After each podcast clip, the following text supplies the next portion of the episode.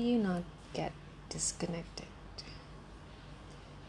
Faith is sure a wild thing.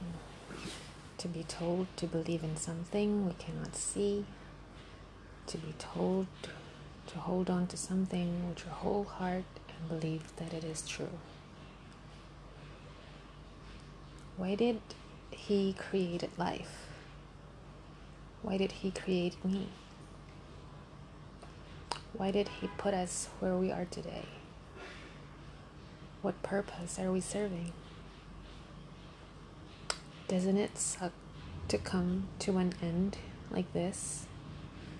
Feeling lost and denied and disconnected? Don't we all want a happy ending? An ending that doesn't hurt, an ending that is not bad, an ending where we have faith, an ending where we hold on and keep on believing, believing that He's waiting, that hopefully His will coming, that we are worthy of His mercy. That was what I wrote in my journal tanggal 26 Desember 2019 sekitar tiga bulan yang lalu um, waktu itu lagi ngerasa well I think kita semua pada hari-hari tertentu ngerasa kalau iman sedang naik turun. Dan apa ya kayaknya waktu hari itu ngerasa gimana ya kalau misalnya tiba-tiba hidupku berhenti hidupku selesai di titik di mana aku lagi ngerasa kalau imanku turun.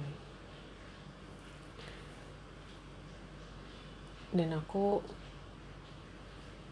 pikir kayaknya nggak ada yang mau gitu untuk berakhir kayak gitu. Sebagai seorang muslim um, dari kecil tentu aku diajarkan konsep husnul khotimah gitu. Artinya ya maksudnya dari kecil emang kita ditanamkan bahwa kehidupan di dunia ini cuman sementara aja dan pada akhirnya kita harus selesai kita harus pulang kita harus kembali dan harapannya kita bisa kembali kepada yang menciptakan kita dalam keadaan husnul khotimah gitu dalam keadaan yang terbaik. Hmm, Um, tentu saja pembicaraan kali ini bukan untuk membandingkan gitu ya iman siapa yang lebih tinggi apakah yang berbicara atau yang mendengar karena sudah jelas kalau yang berbicara ini imannya masih naik turun. Dan mungkin um, teman-teman yang mendengarkan episode sebelumnya Jailah um, di mana aku berbincang dengan um, Harzian. Mungkin sekarang kayak ih kok nggak sama Harzian? Ya kebetulan karena kami berdua belum tinggal di bawah atap yang sama. Jadi um, hari ini kayak pengen aja gitu merekam sesuatu untuk paling enggak menceritakan ini ke Harzian dan mungkin ke teman-teman yang dengar. Mungkin um, sebelum teman-teman bingung gitu ya kenapa kok judulnya seolah-olah religius mencari dan menemukan Tuhan.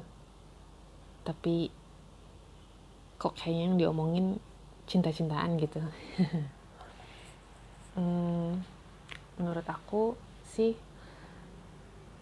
balik lagi gitu ya ke bahasan yang tadi mengenai iman dan perjalanan seorang manusia gitu untuk mencari Tuhannya, untuk mencari tujuan hidupnya apa di dunia ini itu adalah sebuah proses yang nggak akan pernah selesai mungkin ya sampai suatu hari nanti. Akhirnya Tuhan bilang, oke okay, hidup kamu cukup sampai sini aja gitu. Hmm, dan aku pengen apa ya mungkin berterima kasih sama Harzian karena um,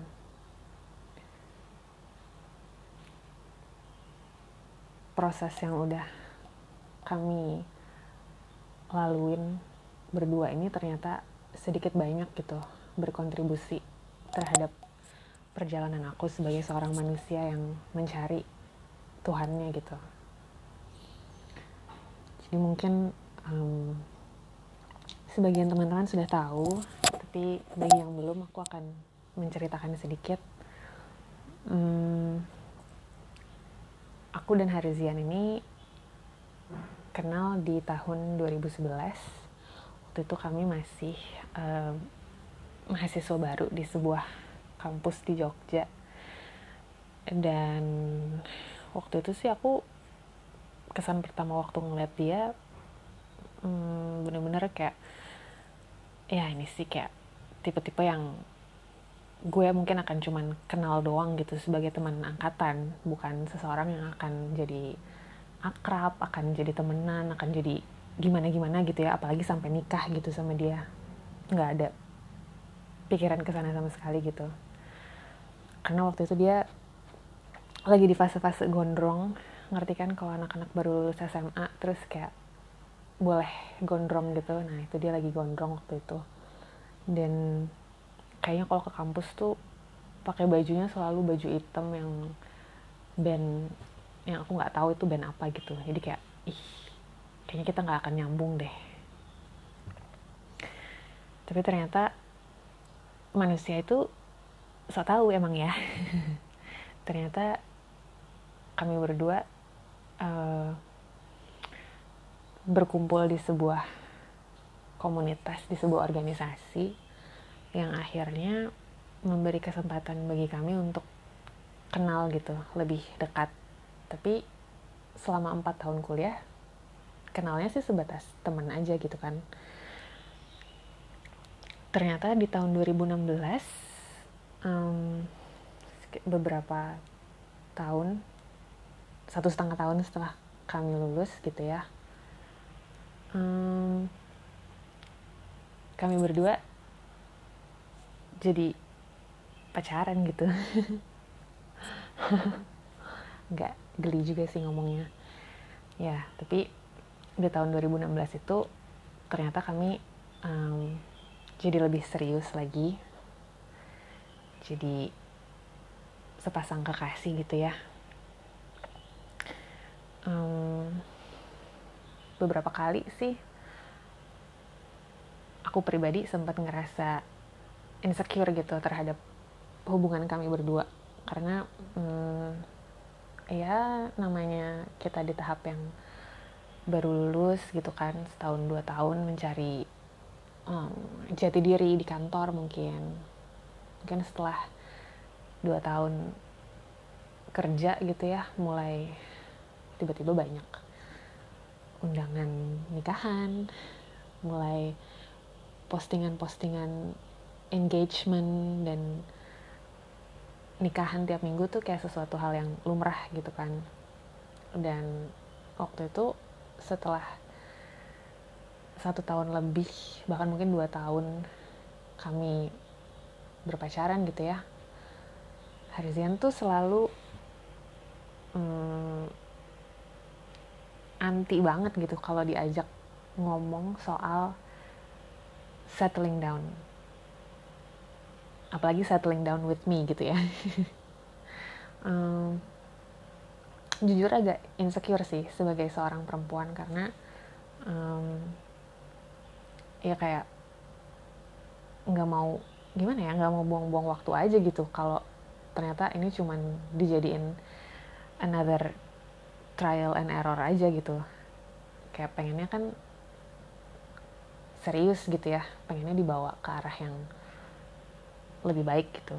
Dan waktu itu udah mulai banyak juga gitu kan teman-teman uh, di sekitar yang kayaknya udah mapan banget nih hubungannya sama pacarnya gitu. Kayak udah punya tabungan bersama lah udah uh, I don't know cari-cari vendor nikahan lah udah yang wah pokoknya udah kayak siap banget gitu untuk build a future bareng-bareng. Sementara aku sama Harzian masih di tahap yang kayak tiap kali kita ke nikahan gitu ya terus ada orang yang nanya kapan nyusul? gitu. Ya kalau aku kan jawabnya amin amin doain ya gitu ya. Kalau Harzian tuh yang kayak langsung buang muka kayak langsung nggak seneng lah ditanya kayak gitu gitu.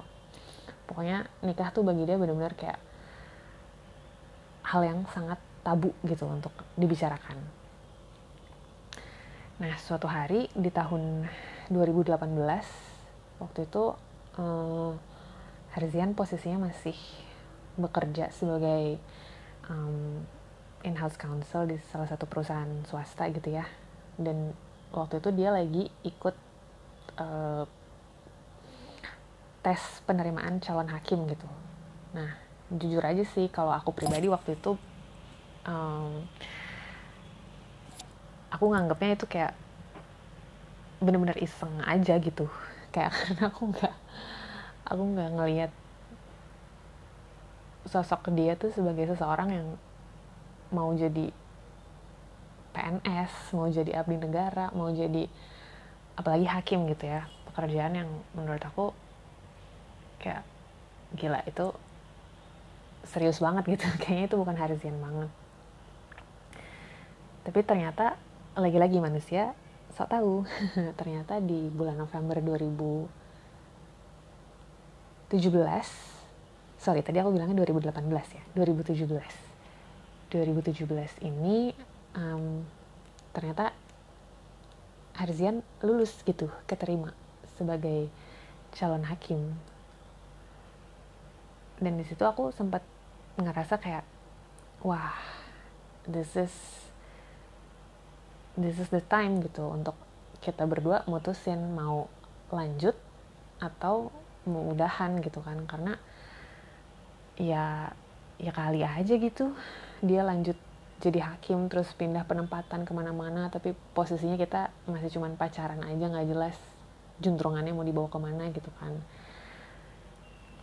Akhirnya ternyata setelah penerimaan itu Harzian tiba-tiba gitu ya mendapat hidayah untuk ya udahlah kita akhirnya menuju gitu ke tahap yang serius itu gitu. Akhirnya di bulan Februari awal 2018 gitu ya kedua orang tua kami ketemu dan ya gitulah ya kalau orang tua ketemu kan kayak bahas-bahas tanggal lah bahas-bahas lokasinya di mana bahas-bahas nanti konsep acaranya seperti apa pokoknya udah bener-bener wah this is this is what we've been waiting for gitu. Akhirnya ngomongin nikahan. Tapi ternyata hmm, terjadi sebuah plot twist beberapa bulan kemudian di bulan April 2018 tanpa ada apa ya tanpa ada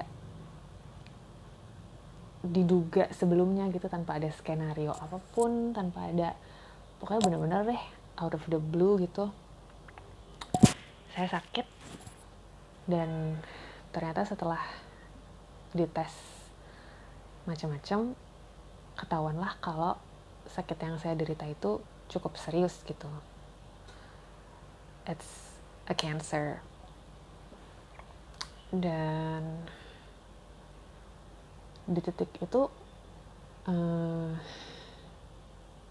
bener-bener apa ya kayak itu salah satu momen yang kayak kayak saya tuh seolah-olah ngeliat kayak seolah-olah tuh ya jiwa tuh keluar gitu dari badan dan ngelihat badan kita ada duduk di kursi gitu. Kayak it was an out of body experience gitu kan. Kayak hah ternyata sakit itu gitu kan. Itu kan kayak sesuatu yang tadinya aku pikir cuman ada di film-film doang atau cuman orang-orang segelintir aja lah yang ngerasain itu gitu kan. Ternyata tiba-tiba aku gitu yang mendapatkan amanah untuk menjalani itu gitu. Dan waktu itu yang lebih mirisnya lagi adalah sekitar satu minggu sebelum diagnosis itu keluar kebetulan aku tuh pergi ke pasar Majestic sama ibuku sama mamahnya Harsian dan kita tuh kayak bener-bener pilih kain fitting baju di sanggar yang kayak bener-bener apa ya kayak gila dalam range satu minggu dunia tuh bener-bener diputar balik gitu. Dan di titik itu aku uh, patah hati karena dua hal gitu ya. Yang pertama kayak ih gue salah apa gitu sampai harus sakit kayak gini. Yang kedua yang pun kalau udah sakit kayak gini siapa yang mau nerima gitu? Karena maksudnya aku pernah lah dengar cerita orang yang nggak jadi nikah karena hal-hal yang jauh lebih sepele gitu ya dari ini. Mungkin nggak cocok. Um, sukunya lah atau mungkin kurang cocok apanya lah gitu kan. Hal-hal yang jauh lebih simple bisa jadi deal breaker gitu. Ternyata aku harus menghadapin hal yang seserius ini gitu. Dan waktu itu sih kedua orang tuaku udah mencoba untuk kayak kakak harus sabar kalau misalnya seandainya um, Masyan tuh nggak nggak bisa nerima ini gitu dan waktu itu pun aku juga berusaha untuk ya I know it's a lot dan aku akan bisa mengerti gitu kalau misalnya Masyan memilih untuk mundur aja gitu dari semua skenario ini. Tapi lagi-lagi ya di situ mungkin kayak Allah tuh ngasih tahu gitu kalau kamu tuh sebagai manusia tuh jangan jangan coba ini deh ngatur-ngatur karena benar-benar kamu tuh nggak tahu apa-apa gitu. Dan waktu itu respon pertama Harzian waktu aku kasih tahu aku sakit apa dia bilang nggak apa-apa ya kita hadapin ini sama-sama.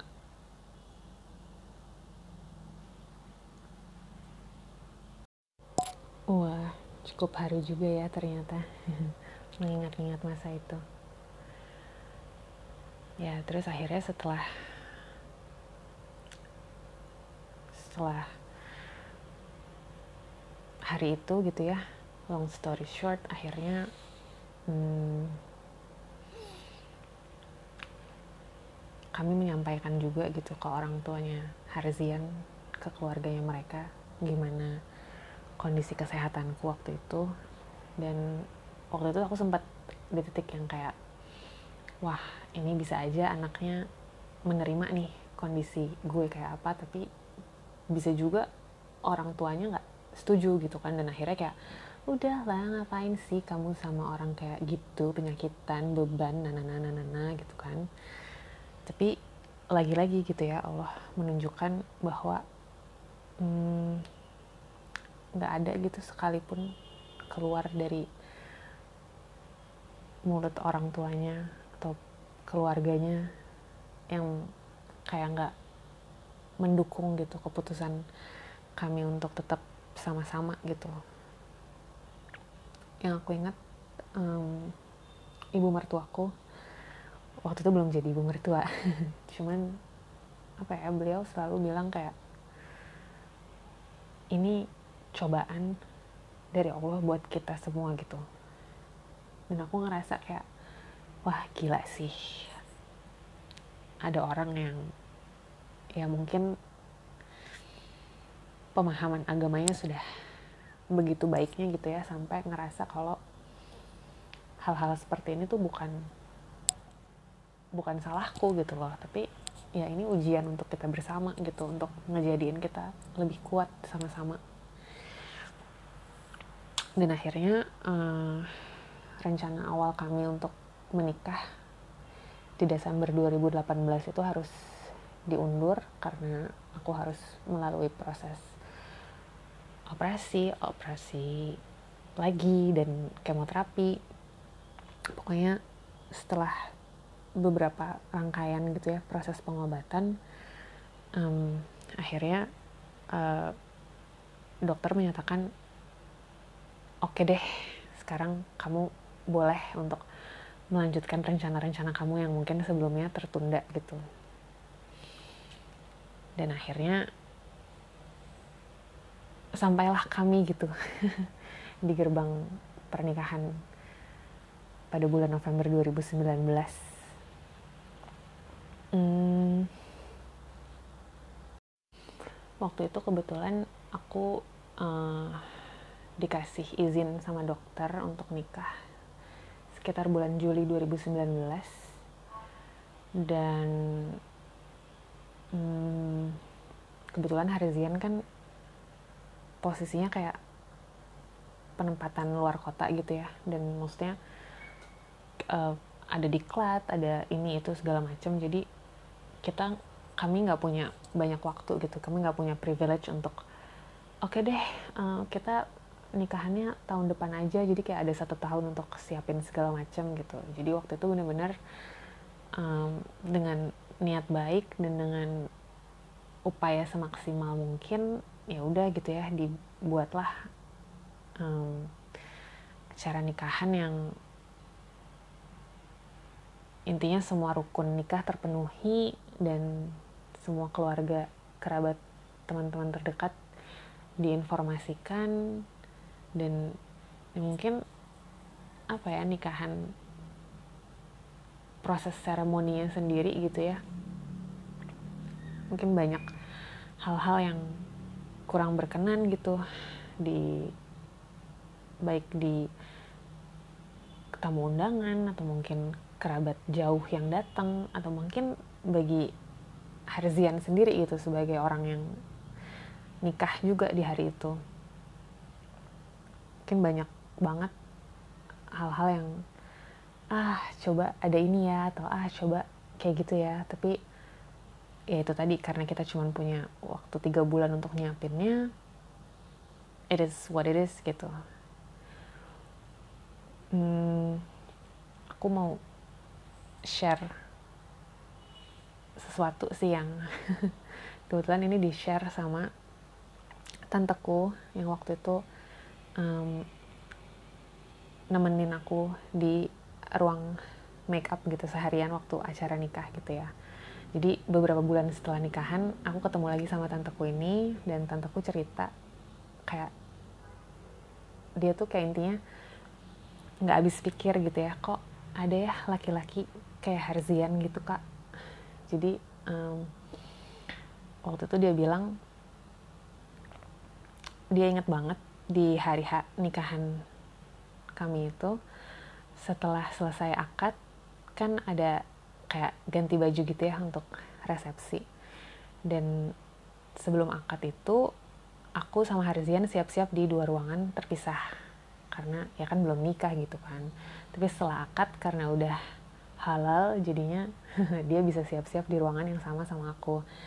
Nah jadi ceritanya aku sih lagi ribet gitu ya sama diriku sendiri gitu kan. Ganti baju tacap-tacap makeup segala macam. Jadi aku nggak terlalu ngeh apa yang terjadi di sekeliling aku cuman setelah akad itu Harzian tiba-tiba datang ke ruang kami siap-siap. Dan dengan sopannya dia tiba-tiba minta ke tanteku yang lain yang waktu itu kebetulan uh, ngurusin baju dan segala macem gitu ya. Jadi si Harzian ini tiba-tiba datang dan dengan sopannya nanya e, ada selop lain nggak ya yang bisa aku pakai? Karena yang ini kekecilan. Jadi di hari nikahan dia sendiri di hari dia mengucapkan akad nikah gitu ya dia pakai selop yang kekecilan gitu. Dan nggak ada sedetik pun gitu ya dia tuh kayak uh, ngerasa ini kan hari istimewa gue gitu harusnya I look the best I feel the best. Semua orang harusnya ngelayanin semua kemauan gue gitu. Nggak ada sedikit pun komentar gitu yang sejenis itu keluar dari Harzian dan FYI juga karena waktu persiapan nikahan itu Harzian posisinya lagi di Mega Mendung untuk diklat dari Senin sampai Sabtu jadi nggak ada satu kali pun fitting baju nikahannya dia. Dan waktu itu aku sama tanteku yang ngejahit baju nikahannya dia tuh kayak cuman berharap aja gitu ya kayak mudah-mudahan muat ya mbak mudah-mudahan muat. Karena bener-bener nggak ada nggak ada waktu itu gitu untuk fitting baju karena harus ngurusin perintilan yang lain. Dan sampai hari ini gitu ya nggak pernah ada keluar dari Harzian tuh yang kayak ah I wish waktu nikah aku tuh fitting dulu supaya bajunya kelihatan ngepas atau kelihatan gagah atau kelihatan apalah segala macam gitu ya. Dia nggak pernah ngeluh kayak gitu gitu. Dan hal-hal kecil semacam itu yang ada dalam dirinya dia tuh yang membuat aku ngerasa kayak wah ternyata hmm, Tuhan itu ada dan hadir dalam kehidupan kita tuh dalam begitu banyak bentuk gitu. Salah satunya dengan memberikan pasangan yang yang kayak ih baik banget sampai geleng kepala gitu kan ya lagi-lagi sih ngerekam cerita hari ini benar-benar untuk apa ya untuk I just wanna thank him aja sih for being the man that he is. Dan kalau suatu hari nanti gitu ya kita kami berdua diberikan amanah oleh Allah untuk punya anak. I know that they will be in good hands gitu karena mereka punya ayah yang sebaik Harzian gitu.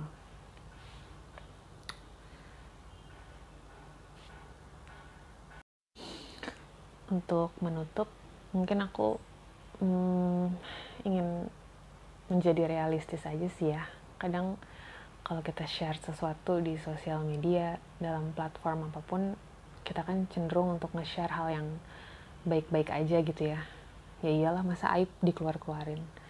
Cuman sih intinya hmm, baik aku maupun Harzian sama-sama manusia yang pasti banyak masih banyak sekali kekurangannya dan masih banyak sekali ruang bagi kami berdua untuk improve. Cuman kalau kata orang-orang gitu ya kayak I don't know what I did to deserve you ya that's basically how I feel about him gitu. Kayak aku nggak tahu um, aku nggak tahu kenapa tapi yang jelas aku bersyukur setiap hari bisa ketemu sama kamu, kenal sama kamu dan um, be here where we are today together. Dan mungkin aku mendoakan juga untuk teman-teman yang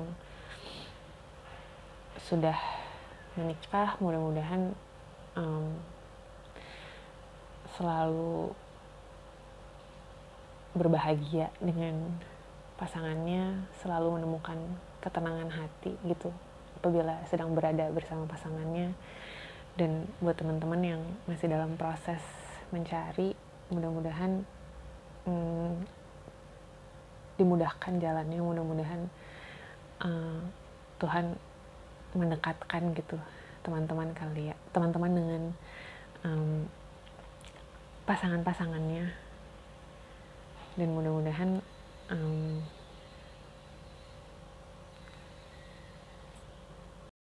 mudah-mudahan ketika teman-teman bangun tiap pagi dan ngelihat wajah pasangannya atau mungkin lagi nelpon in the middle of the day untuk ngingetin udah makan atau belum teman-teman bisa selalu merasa bersyukur gitu karena